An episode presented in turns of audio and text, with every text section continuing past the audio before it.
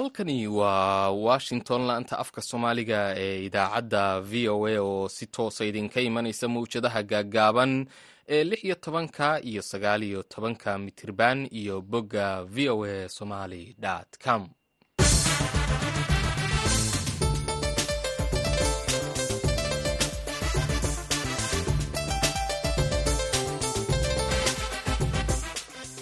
subax wanaagsan dhegaystayaal waa aroornimo khamiis ah afarta bisha januari ee sannadka labada kun iyo afar iyo labaatan. Idaacadda saaka iyo caalamkana waxaa idinla socodsiinaya. Anu ah ismaaciil xuseen farjar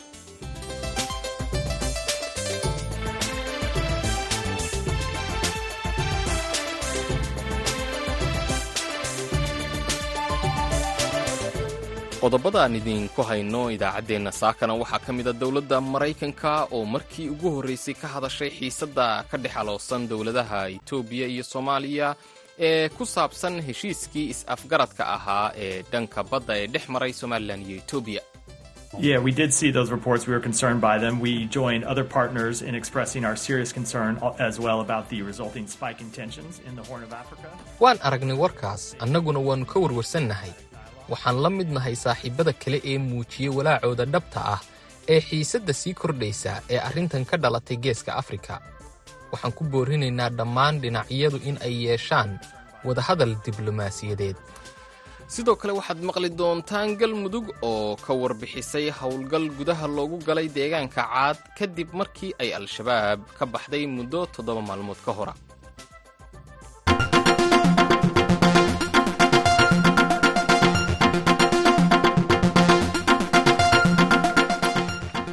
qodobadaas iyo kuwo kale ayaa goordhow idiin soo socda marka horese warkii dunida aan idiin gudmaro.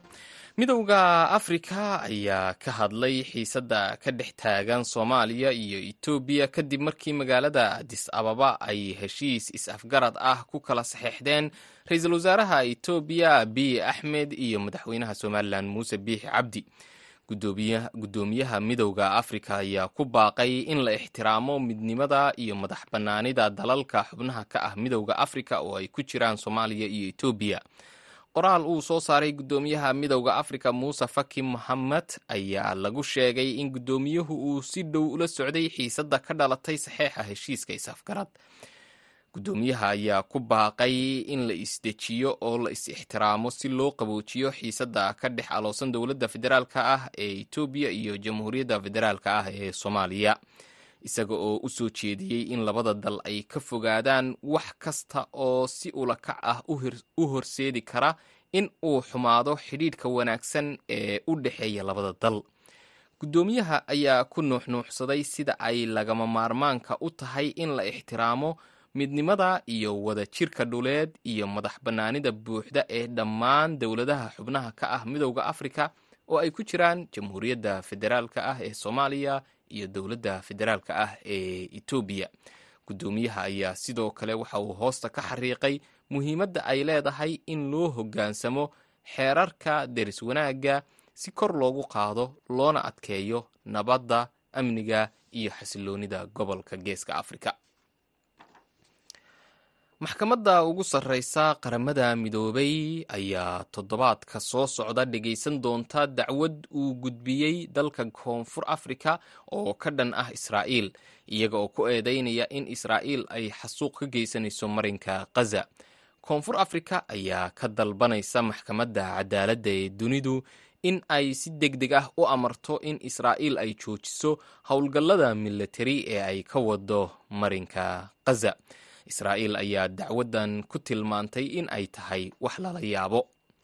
Maraykanka ayaa arbacadii ku dhaleeceeyey koonfur afrika in ay maxkamadda horgeyso kiis ku aadan xasuuq isaga oo beeniyey eedaha loo jeediyey israa'iil. Afhayeenka wasaaradda arrimaha dibadda ee maraykanka matthew miller ayaa sheegay in qiimaynta maraykanku ay muujisay in aanay arkin ficillo lagu tilmaami karo in ay yihiin xasuuq dhegeystayaal intaas waxay naga warkeennii dunida. Haatanna u diyaargarooba qaybaheenna kale ee idaacadda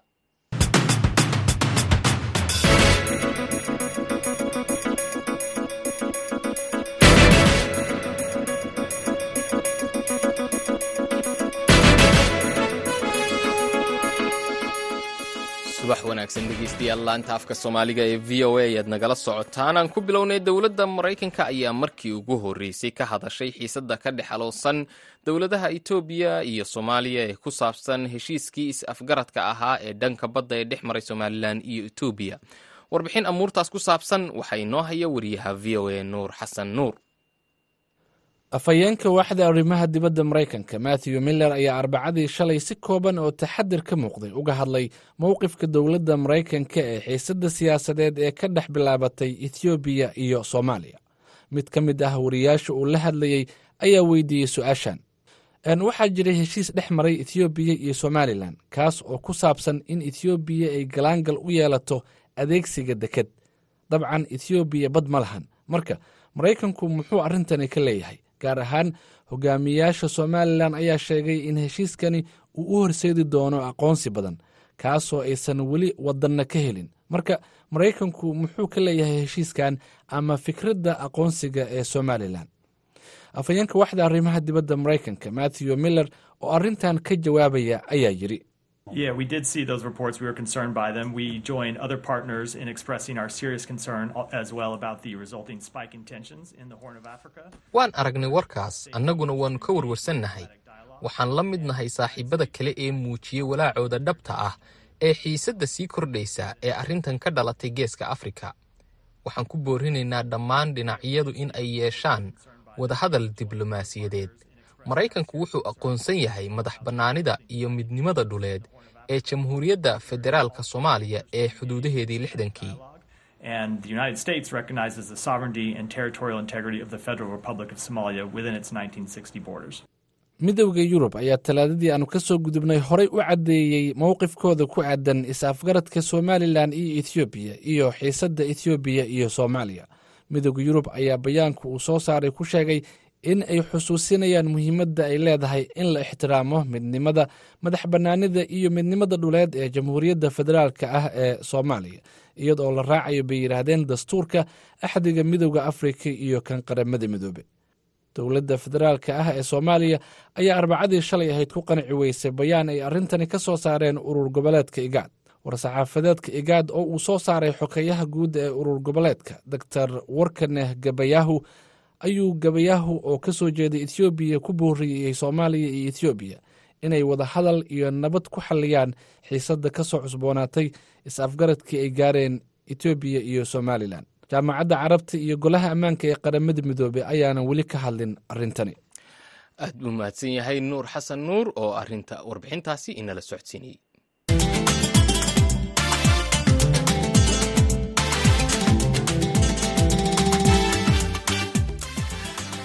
galmudug ayaa sheegtay in ciidamada dowladdu ay si nabad ah gudaha ugu galeen deegaanka cad halkaas oo ay sheegeen in ururka al-shabaab ay ka baxeen toddobaad ka hor ama toddoba maalmood ka hor balse ay ciidamadu u geli waayeen sababo la xidhiidha walxaha qarxa oo halkaas lagu arkay.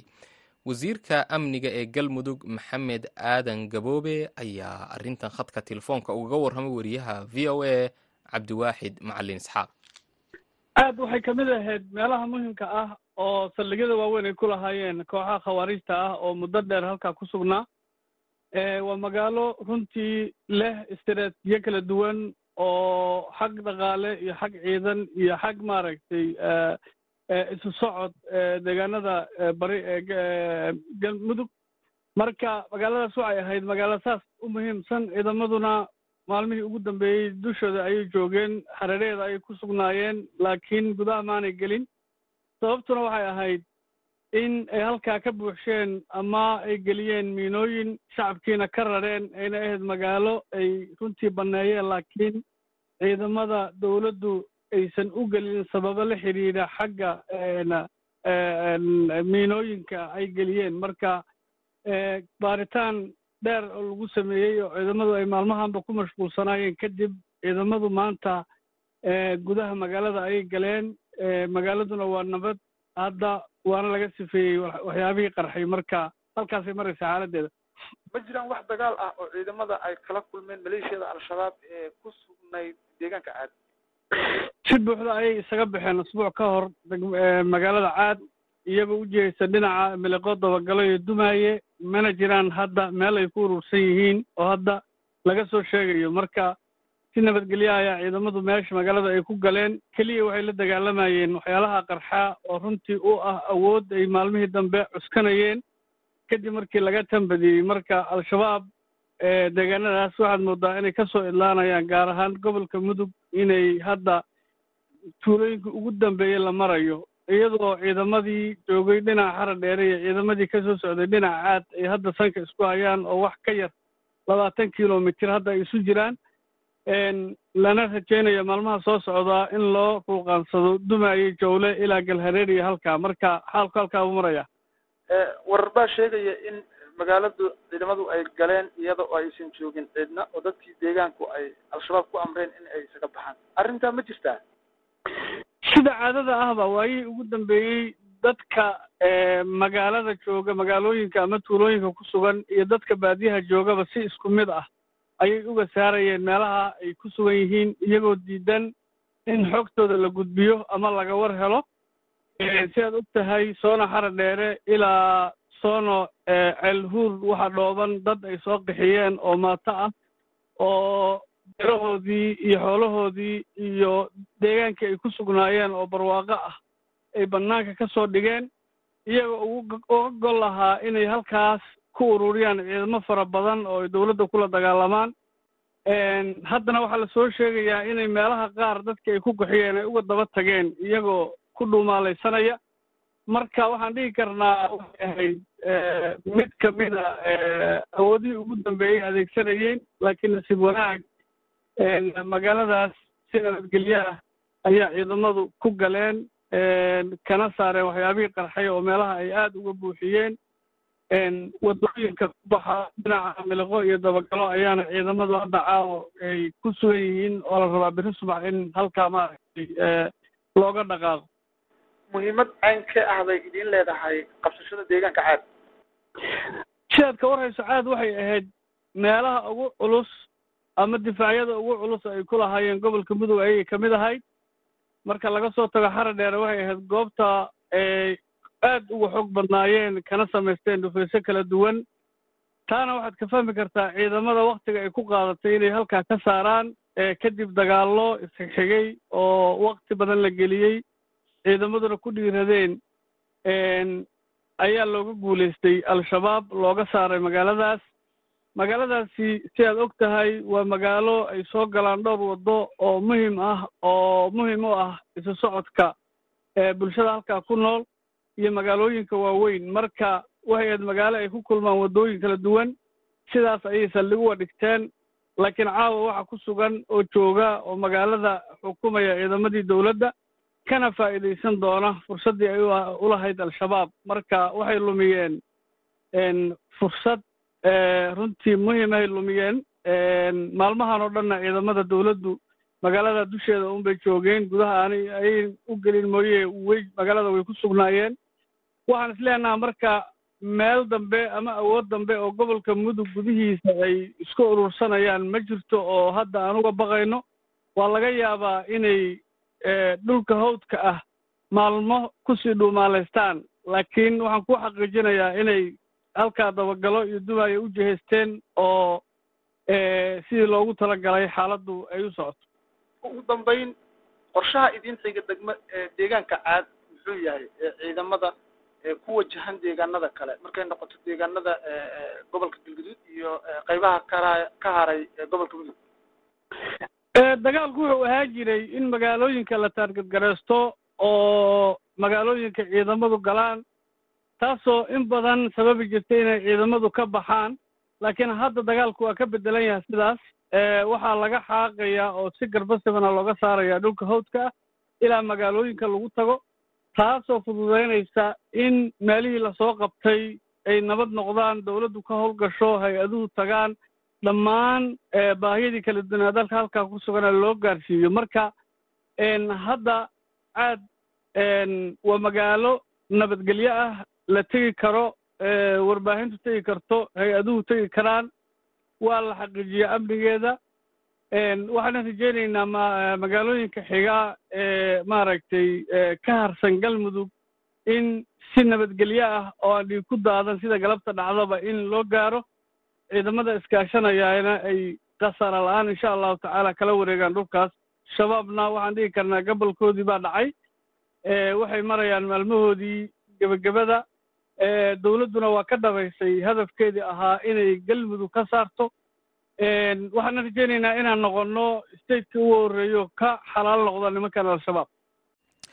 Kaasi waxa uu ahaa wasiirka amniga ee galmudug maxamed aadan gaboobe oo u warramayay wariyaha v o a cabdiwaaxid macalin isxaaq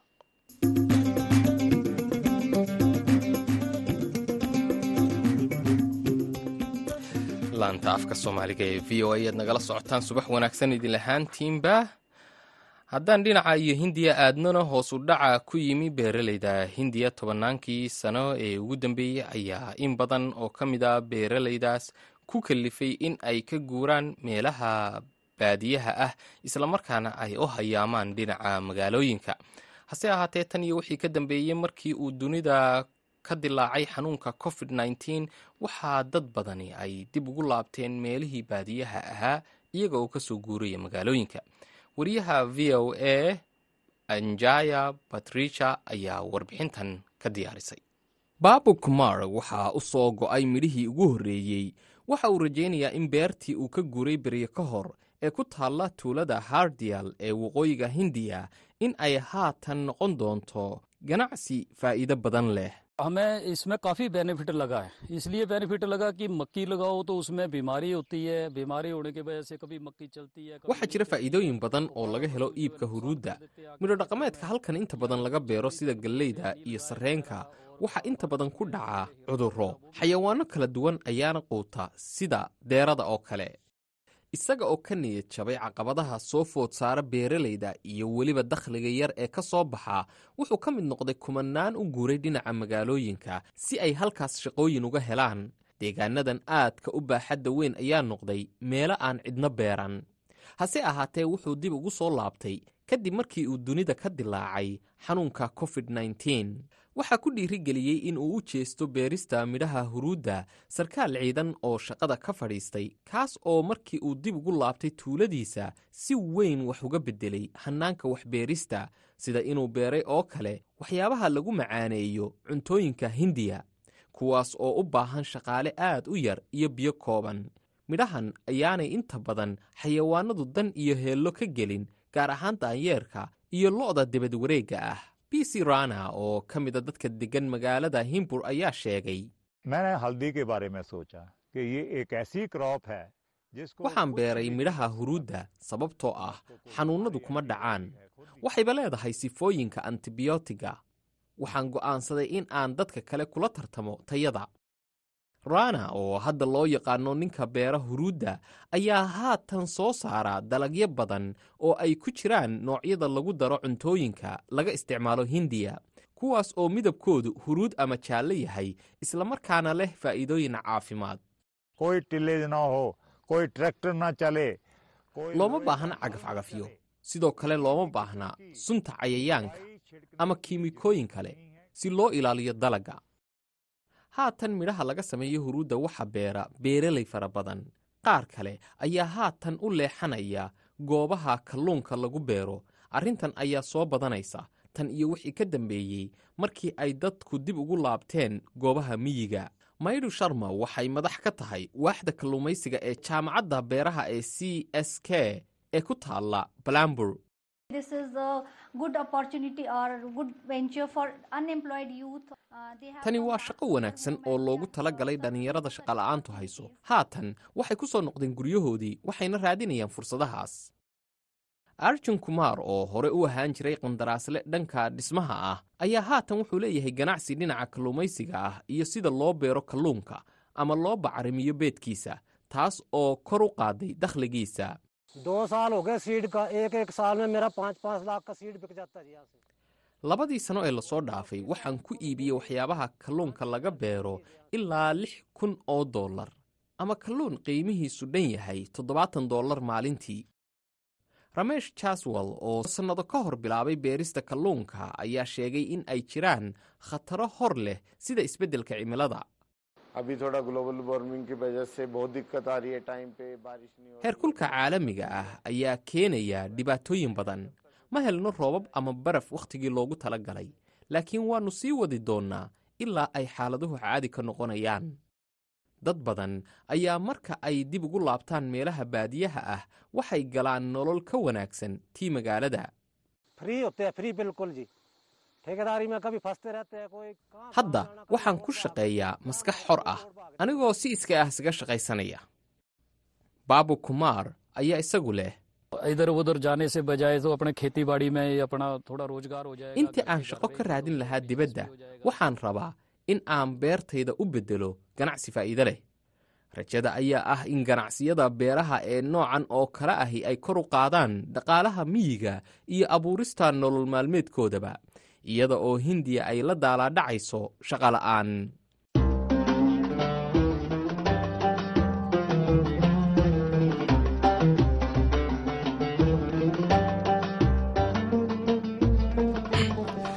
subax wanaagsan idin lahaantiinba meel walba jawi walba iyo xaalad walba oo aad nagu dhegaysanaysaan midowda yurub ayaa arbacadii ku daray liiska cunaqabataynta shirkadda ruushka ah ee alrosa oo ah shirkadda ugu weyn ee soo saarta dheemanka iyo sidoo kale maamulaha guud ee shirkaddaasi. Taas oo qayb ka ah cunaqabataynta ka dhalatay duulaankii uu ruush ku qaaday ukrain faahfaahinta warkan waxaa inoo haya xuseen barre. Aadan madaxa siyaasadda arrimaha dibadda ee midowda yurub joseph borrell ayaa sheegay in iyadoo la raacayo xayiraadda dheemanka ee qaybta ka ah cunaqabataynta uu midowda yurub liiska cunaqabataynta ay ku dareen shirkadda arrosa oo ah shirkadda ugu weyn adduunka ee macdanta dheemanka iyo weliba maamulaheeda midowda yurub ayaa sheegay in shirkadda oo wax soo saarkeedu uu u dhigmo boqolkiiba sagaashan wax soo saarka dheemanka ee ruushka ay dakhli badan soo geliso dowladda ruushka wadarta guud ee dhoofinta dheemanka ee ruushka waxa ay gaadhay ilaa afar bilyan oo dollar sanadka bishii disembar midowda yurub wuxuu oggolaaday inuu mamnuuco dhoofinta dheemanka dabiiciga ah iyo kan macmalka ah ee ruushka.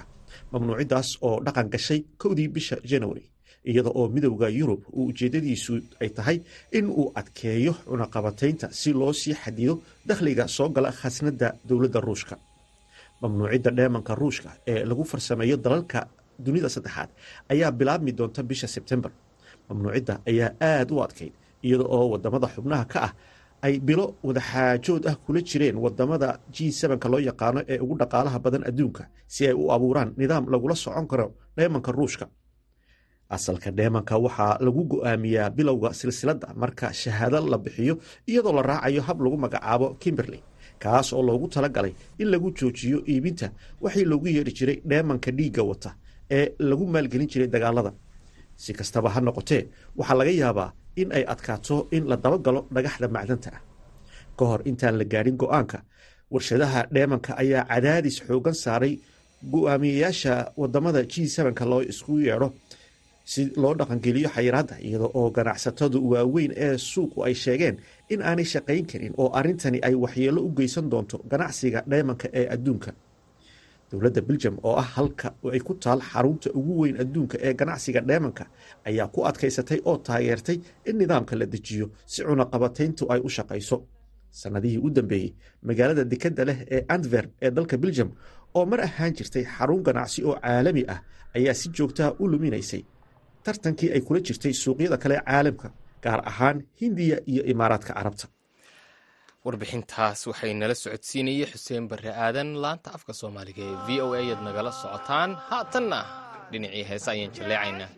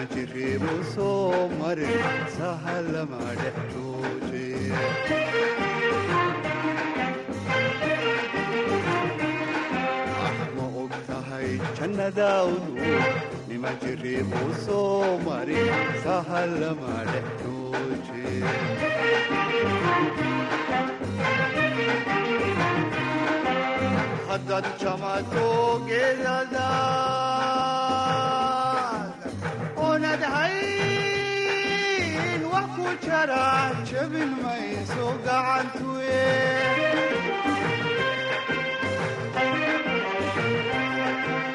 haddaad jamato geedadaad oonad hayn wax ku jara jabin mayso gacantuye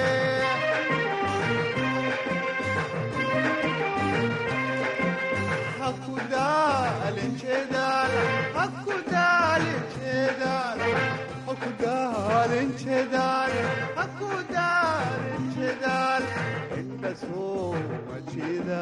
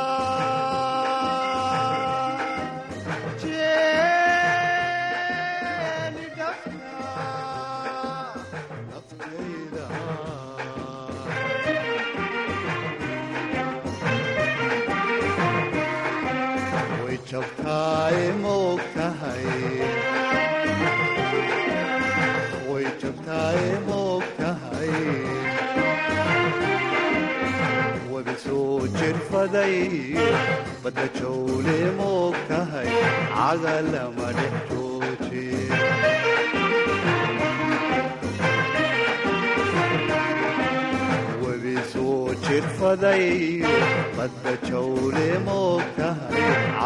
lama dhex jooje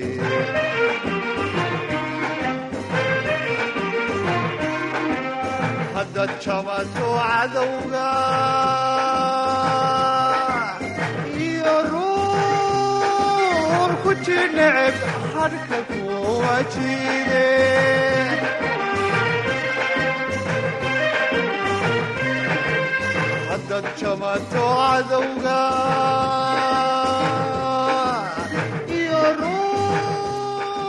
codkaas maxamed axmed kuluc allaha u naxariistee wuxuu gebagabo yahay heesta jamasho idaacaddeenii subaxnimo. Oo aan idinla socodsiinayaan oo ah ismaaciil xuseen farjar dhinaca farsamadana nuur xasan nuur ayaa noo fadhiyey. Tan iyo intaan idaacadda xigta ku kulmayno waxaan kaga tegayaa sidaas iyo ismaqal dambe oo xiise leh